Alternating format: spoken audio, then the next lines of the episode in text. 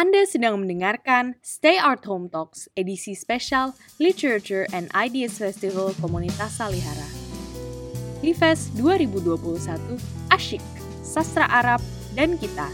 Kita akan mendengarkan pembacaan dan pembahasan karya sastra Indonesia yang dekat dengan tema dan budaya Arab. Selamat mendengarkan.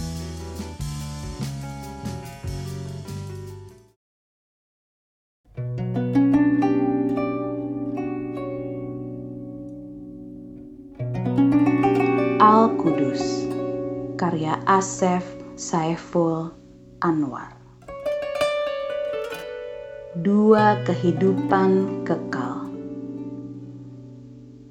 Tidaklah aku ciptakan neraka dalam tiga, tujuh, atau sembilan tingkat berdasarkan dosa-dosa besar manusia. Tidak pula kami pasangkan pintu-pintu di sekitarnya sesuai dosa-dosa kecil manusia untuk memisahkannya ketika mereka dimasukkan. Dalam satu waktu, segala pendosa dapat masuk ke dalam neraka yang sama dengan siksa yang berbeda. Bukankah di dunia yang hanya satu tempat itu, manusia-manusia berlainan dalam merasakan sesuatu yang terjadi? Dan di kehidupan neraka yang kekal, hal itu kelak akan terulang. Mereka yang dulu enggan beriman akan senantiasa merasakan kekacauan di dalam tubuhnya. Mereka yang dulu sedikit berbuat kebajikan dan lebih banyak menyakiti sesamanya akan merasakan kesakitan yang setimpal berulang-ulang kali lagi kekal. Tidaklah aku ciptakan surga dalam sepuluh tingkat berdasarkan kadar iman manusia. Dan tidak pula kebaikan-kebaikan yang pernah mereka amalkan itu menjadi pintu masuk untuk memisahkan mereka di dalam surga, hingga golongan satu lebih mulus memasukinya daripada golongan lainnya. Dalam satu waktu, semua manusia yang beriman dan tekun berbuat kebaikan dapat masuk ke dalam surga dengan nikmat yang berbeda-beda. Bukankah di dunia yang hanya satu tempat itu, manusia-manusia berlainan dalam merasakan sesuatu yang terjadi? Dan di kehidupan surga yang kekal, hal itu kelak akan terulang. Mereka yang teguh menjaga imannya dan tekun berbuat kebajikan akan berjumpa denganku dan senantiasa berada di pangkuanku.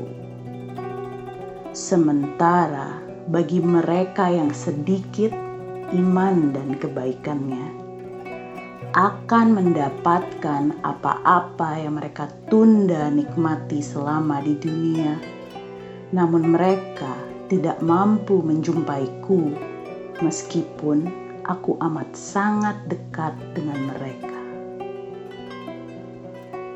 Bila manusia dalam satu tempat dapat merasakan siksaan dan kenikmatan, mengapa kami memisahkan keduanya dalam dua tempat di kehidupan yang kekal. Sebab aku hanya ingin berkumpul dengan mereka yang beriman dan tekun berbuat kebaikan, sementara bagi mereka yang ingkar, aku tiada sudi berada dalam satu dan di surga pernah aku ciptakan manusia pertama agar keturunannya kembali ke tempat semula surga.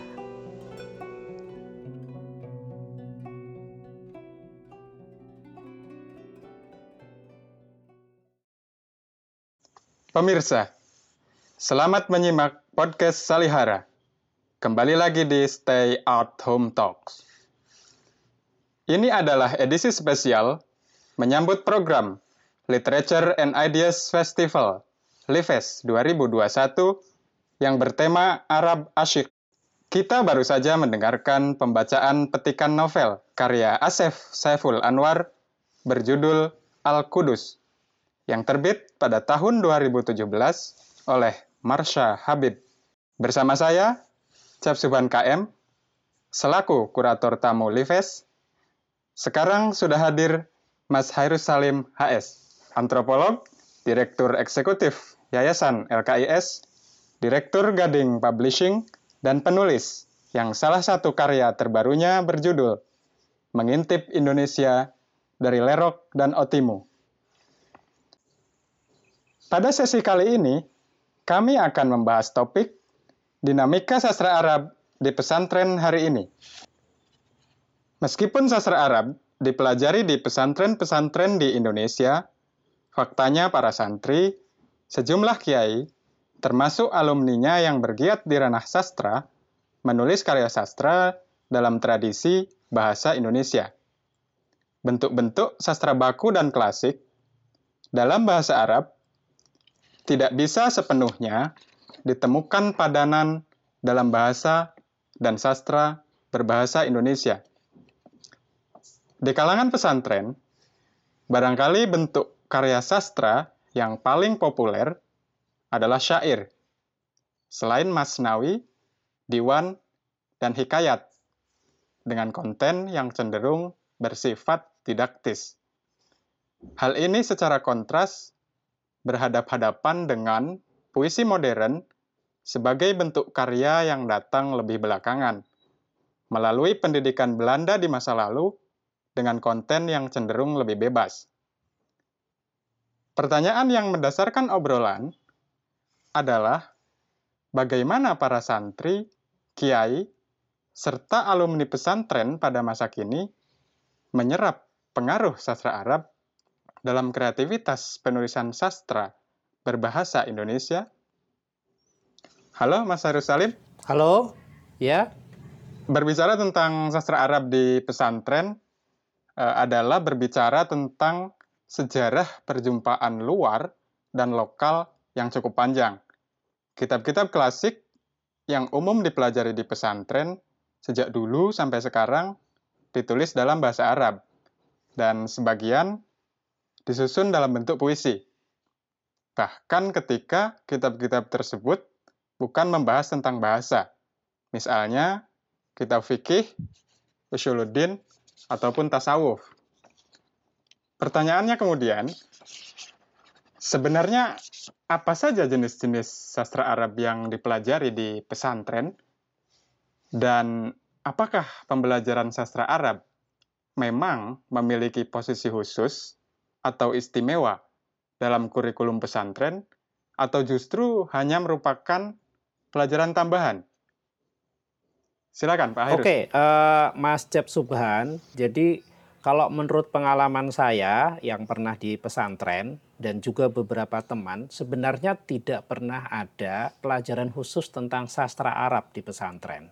Artinya secara khusus loh ya. Tetapi sastra Arab dalam pengertian misalnya puisi tadi ya uh, dalam bentuk syair tadi yang istilahnya bermacam-macam itu mau tidak mau akan dihadapi oleh para santri karena kebanyakan kitab itu uh, sering mengutip syair, sering mengutip puisi, mulai kitab yang rendah yang biasa-biasa saja misalnya kayak Nasaihul Ibad misalnya gitu ya. Uh, apa lalu kayak kitab kayak Qami Utugian, sampai yang level misalnya Ihya Ulumuddin itu pasti mengutip uh, ada mengutip puisi dengan kalimat kama kola syair misalnya uh, fi kaulihis uh, syair gitu. Jadi ada. Nah, bentuknya kalau di dalam kitab tuh pasti dia agak menonjol ke ke tengah gitu ya. Jadi misalnya dua baris pendek tapi uh, seperti ber, bersambungan dua seperti itu. Jadi selalu ada akhirnya para santri berkenalan dengan uh, puisi Arab itu mau tidak mau gitu. Itu yang pertama. Kalau ada contohnya banyak sekali itu. Nah, eh, kadang-kadang tidak tahu siapa penulis syair ini gitu. Siapa penulis puisi ini? Karena hanya ditul, uh, dikatakan kamakola syair. Saya kasih contoh saja ya uh, sebagai satu satu contoh. Uh, puisi yang sangat terkenal, syair yang sangat terkenal itu uh, Ilahi Lastulil Firdausi Ahla Walakwa Ala Naril Jahimi ya itu sangat terkenal di dunia pesantren di, dibacakan. Nah, saya pribadi misalnya mengenal puisi itu dari kitab Nasaihul Ibad. Jadi kitab tipis yang berisi syarah tentang uh, pemikiran uh, siapa ya waktu itu Zakaria Al Ansori apa ya, lalu diulas oleh uh, Imam Al Nawawi gitu. Nah, di situ diceritakan bahwa ada seorang uh, wali, ada seorang ulama yang diminta gurunya untuk mengulang-ulang sebuah syair sebagai amalan setelah sholat, setelah sembahyang. Yaitu ilahilas tulir firdausi ahla. Baru tahun-tahun belakangan saya tahu bahwa itu sebenarnya adalah puisi Abu Nuas. Itu satu contoh. Kadang-kadang juga ada disebut itu puisi siapa. Misalnya di kitab Ihya Ulumuddin itu sangat terkenal sekali karena sering dikutip itu uh, puisinya uh, Imam Ali bin Abi Thalib yang uh, berbunyi uh, mal fakhru illa li ahlil ilmi innahum alal hawa limanis tahda adillah dan seterusnya. Apa sih kebanggaan uh, bagi uh, ke orang yang memiliki ilmu? Uh, betapa besar kebanggaan orang yang memiliki ilmu karena mereka itu selalu diminta petunjuk ya oleh orang-orang gitu yang kemudian kalimat terakhirnya itu sangat terkenal yang uh, an-nasu mauta wa ahlul ilmi ahya. Manusia itu hidup sementara uh, manusia itu mati tetapi ilmu itu abadi gitu ya. Jadi kayak ingat kita menulis apa kayak Pram mengatakan menulislah karena menulis itu keabadian. Sebenarnya dalam bentuk lain kan berilmu lah ya. Karena berilmu itu keabadian. Jadi seperti itu banyak sekali Mas di kitab-kitab itu. Nah, yang kedua dalam bentuk nazam. Nazam itu jadi uh, ada nazam pendek gitu ya, mungkin hanya 20 bait tetapi syarahnya panjang sekali. Ada yang sampai 1000 bait yang paling terkenal tentu saja apa uh, tata bahasa itu yang Alfiah ya, Imriti gitu. Tapi kitab-kitab kecil juga saya ingat dulu pernah belajar logika ya, saya lupa itu nama kitabnya itu apa gitu. Itu juga dari nazam yang kemudian ada syarahnya. Nah itu kenapa? Uh, karena ketika memaknai yang syair ini paling sulit, sulit sekali. Nah akhirnya mau nggak mau kiai-kiai juga belajar atau para santri juga belajar yang namanya uh, arut ilmu mengenal puisi itu gitu dan seterusnya gitu. Nah itu mau apalagi kalau kita kembalikan memang Al-Qur'an itu sangat puitis ya Mas ya. Jadi ya dengan sendirinya secara tidak langsung tertanam uh, sensitivitas kepada puisi ya kepada sastra gitu. Uh, tetapi sekali lagi secara khusus tidak ada. Kalau secara khusus belajar sastra Arab itu adanya di level perguruan tinggi di UIN. Dan ini sudah sudah sejak tahun 60-an hampir seluruh UIN punya jurusan sastra Arab gitu yang belajar lebih khusus lagi eh, apa berbagai penyair mulai zaman pra-Islam, penyair Islam dan sedikit banyak yang modern. Jadi secara khusus tuh kalau menurut nah baru-baru saya juga ngobrol di dengan seorang penyair Madura ya yang juga penerjemah dia juga bilang tidak ada belajar secara khusus. Ada tradisi yang berkembang di pesantren bahwa para kiai pun ketika menulis karya itu biasanya dalam bentuk puisi.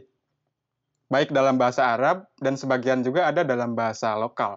Misalnya bahasa Jawa atau juga bahasa Sunda.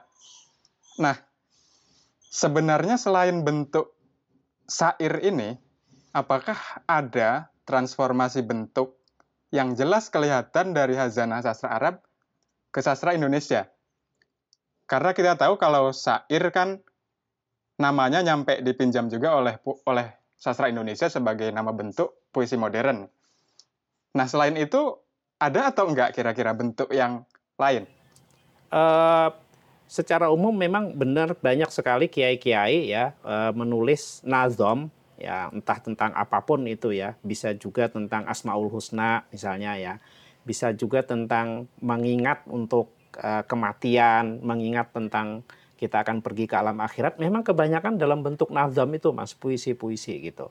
Nah kalau dalam bentuk yang lain saya rasa itu mungkin dalam bentuk semacam esai ya. Esai yang yang gayanya mungkin kayak uh, yang baru-baru ini sangat banyak berkembang yang isinya memang hikmah gitu ya.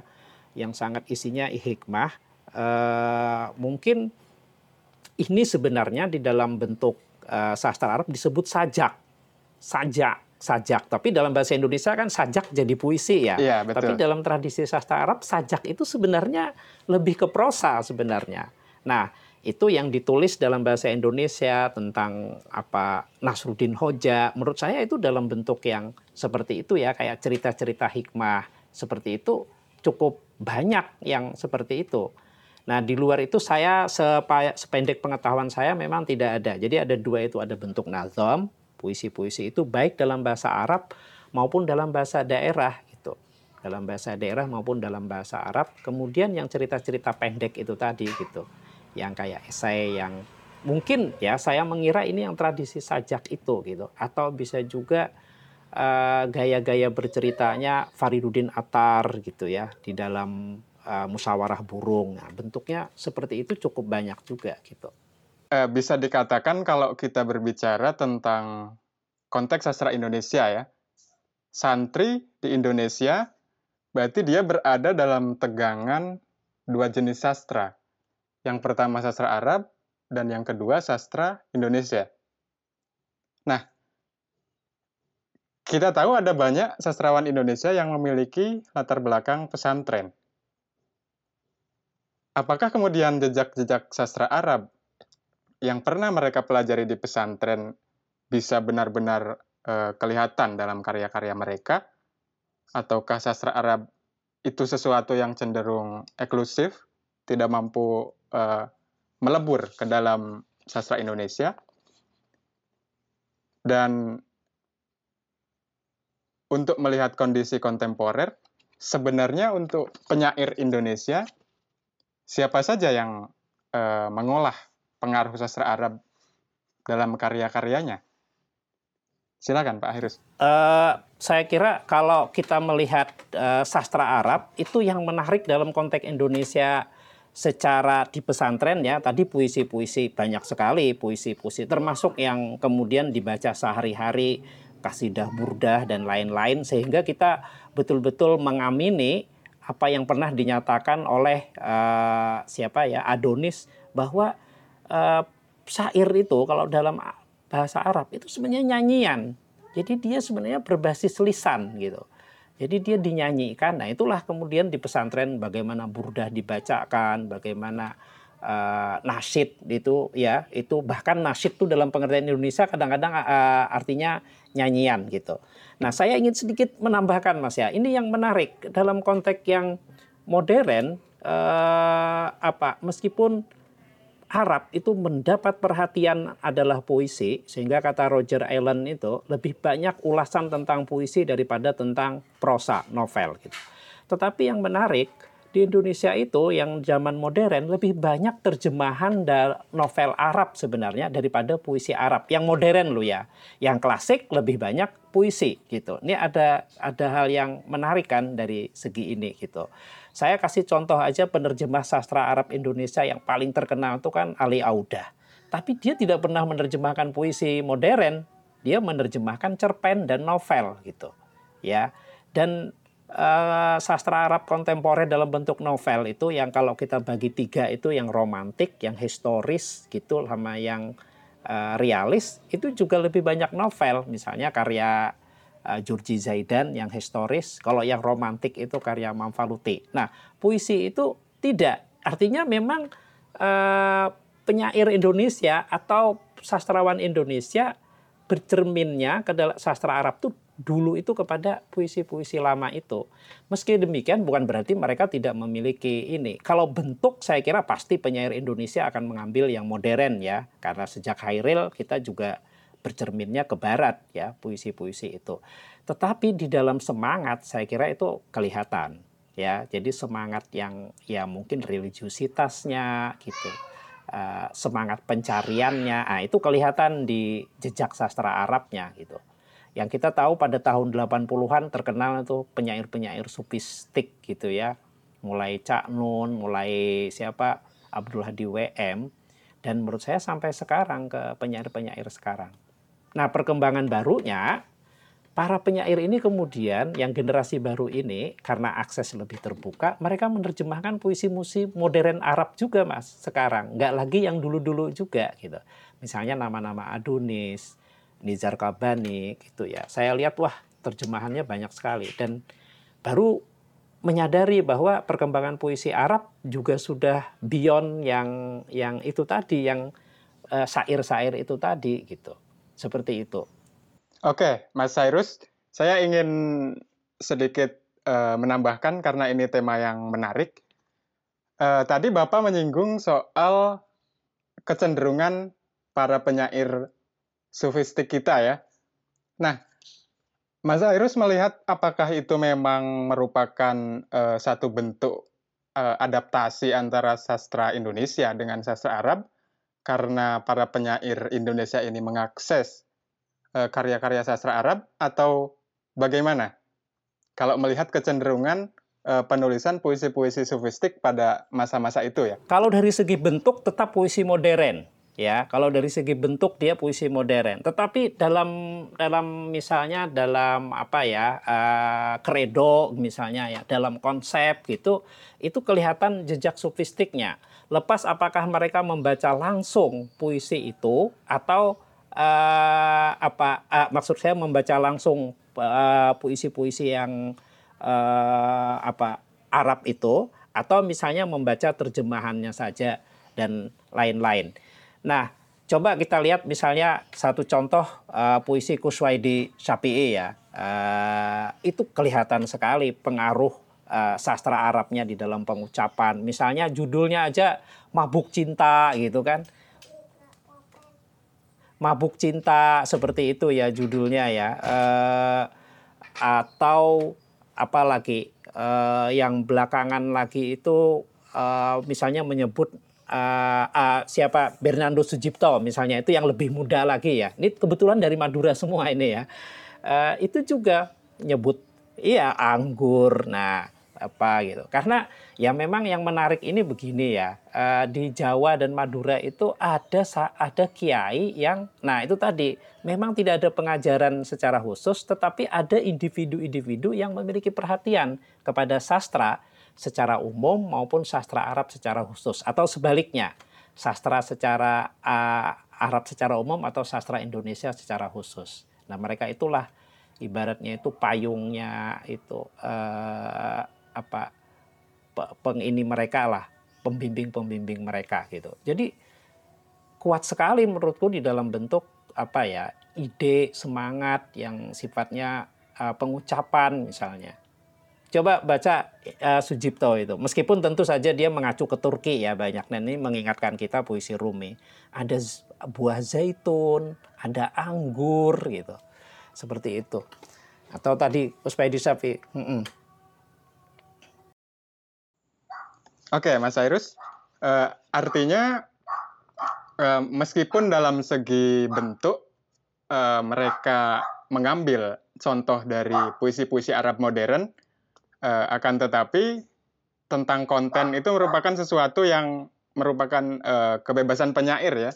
Artinya bisa saja dari konten itu memakai imaji-imaji uh, sastra Arab klasik, tetapi dalam bentuk mereka menggunakan contoh puisi sastra Arab modern. Artinya ada uh, menjadi karya sastra yang hibrid ya, memadukan antara bentuk modern dengan konten yang klasik. Kira-kira begitu ya, Mas Cyrus? Ya begitu. Jadi eh, tema tentang cinta ya misalnya itu eh, ya meskipun di secara umum, tapi cara mengucapkannya kan mengingatkan kita kayak gazal ya eh, apa tentang kesunyian, tentang apa gitu. Tetapi iramanya gitu. Mungkin sa salah satu hal yang baru adalah sifat repetitifnya mungkin lo ya di antaranya ya. Ini harus ditelaah eh, satu persatu kalau mau lihat. Tetapi setiap kali membaca itu dari dulu saya misalnya membaca satu contoh yang mungkin saya cukup mengikuti itu Kuswaidi Sapi karena apa di bawah saya sedikit ya ininya saya selalu melihat bahwa uh, Mas Kuswaidi memang banyak sekali membaca sastra Arab ya. Jadi sangat kuat masuk ke dalamnya. Dan beberapa penyair yang di basisnya di IAIN di Jogja itu juga uh, sangat kuat sekali gitu uh, ininya. Juga soal kenakalannya, gaya Abu, Na, Abu Nuas gitu ya, uh, apa bercanda sama Tuhan kayak gitu-gitu kan muncul itu ya, yang pengaruh Abdul Wahdi WM Tuhan kita begitu dekat gitu. Ini kan juga polanya ya. Oke, Mas Airus, sangat menarik tentang pengaruh uh, sastra Arab di uh, kepada para penyair-penyair kita. Tapi saya ingin masuk ke pertanyaan yang selanjutnya uh, pesantren itu kan disebut sebagai uh, lembaga yang paling mudah beradaptasi dengan perubahan zaman. Ya. Tantangan-tantangan yang dihadapinya tentu berbeda pada beberapa dekade silam dengan masa sekarang. Nah, pertanyaannya, apa saja sih tantangan pengajaran sastra Arab? Baik uh, kita sudah membahas bahwa sastra Arab tidak diajarkan dalam bentuk formal, tetapi memang menyatu. Nah, apa saja tantangan untuk pengajaran sastra Arab dengan pola seperti itu untuk pesantren pada zaman sekarang? Silakan, Mas Airus. Sa saya merasa justru uh, tantangan di dalam pengertian uh, apa uh, belajar itu nggak terlalu ini ya. Uh, nggak uh, terlalu besar, tetapi yang utama karena pesantren itu kan tafakuh fidin ya, belajar agama, memahami agama. Tetapi tadi itu karena perangkatnya memang bahasa Arab, lalu di sana ada kebutuhan untuk belajar tata bahasa, belajar juga uh, mengerti syair gitu.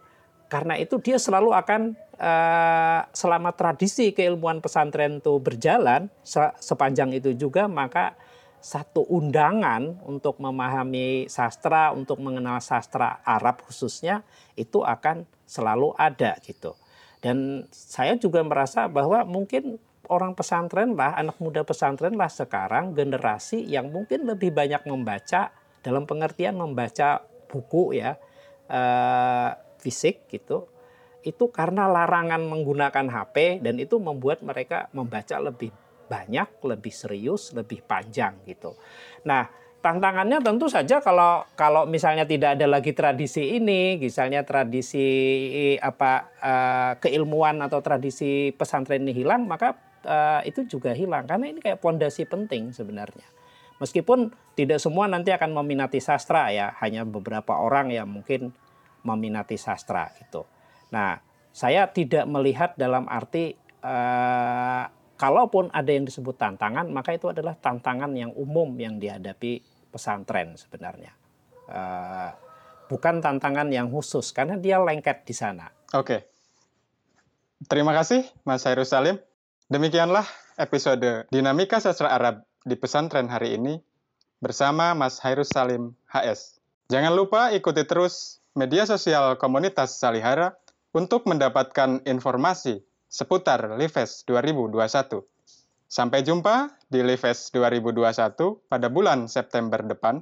Tetaplah menyimak Stay at Home dengan episode berikutnya, Islam Populer dalam Sastra, kasus Forum Lingkar Pena.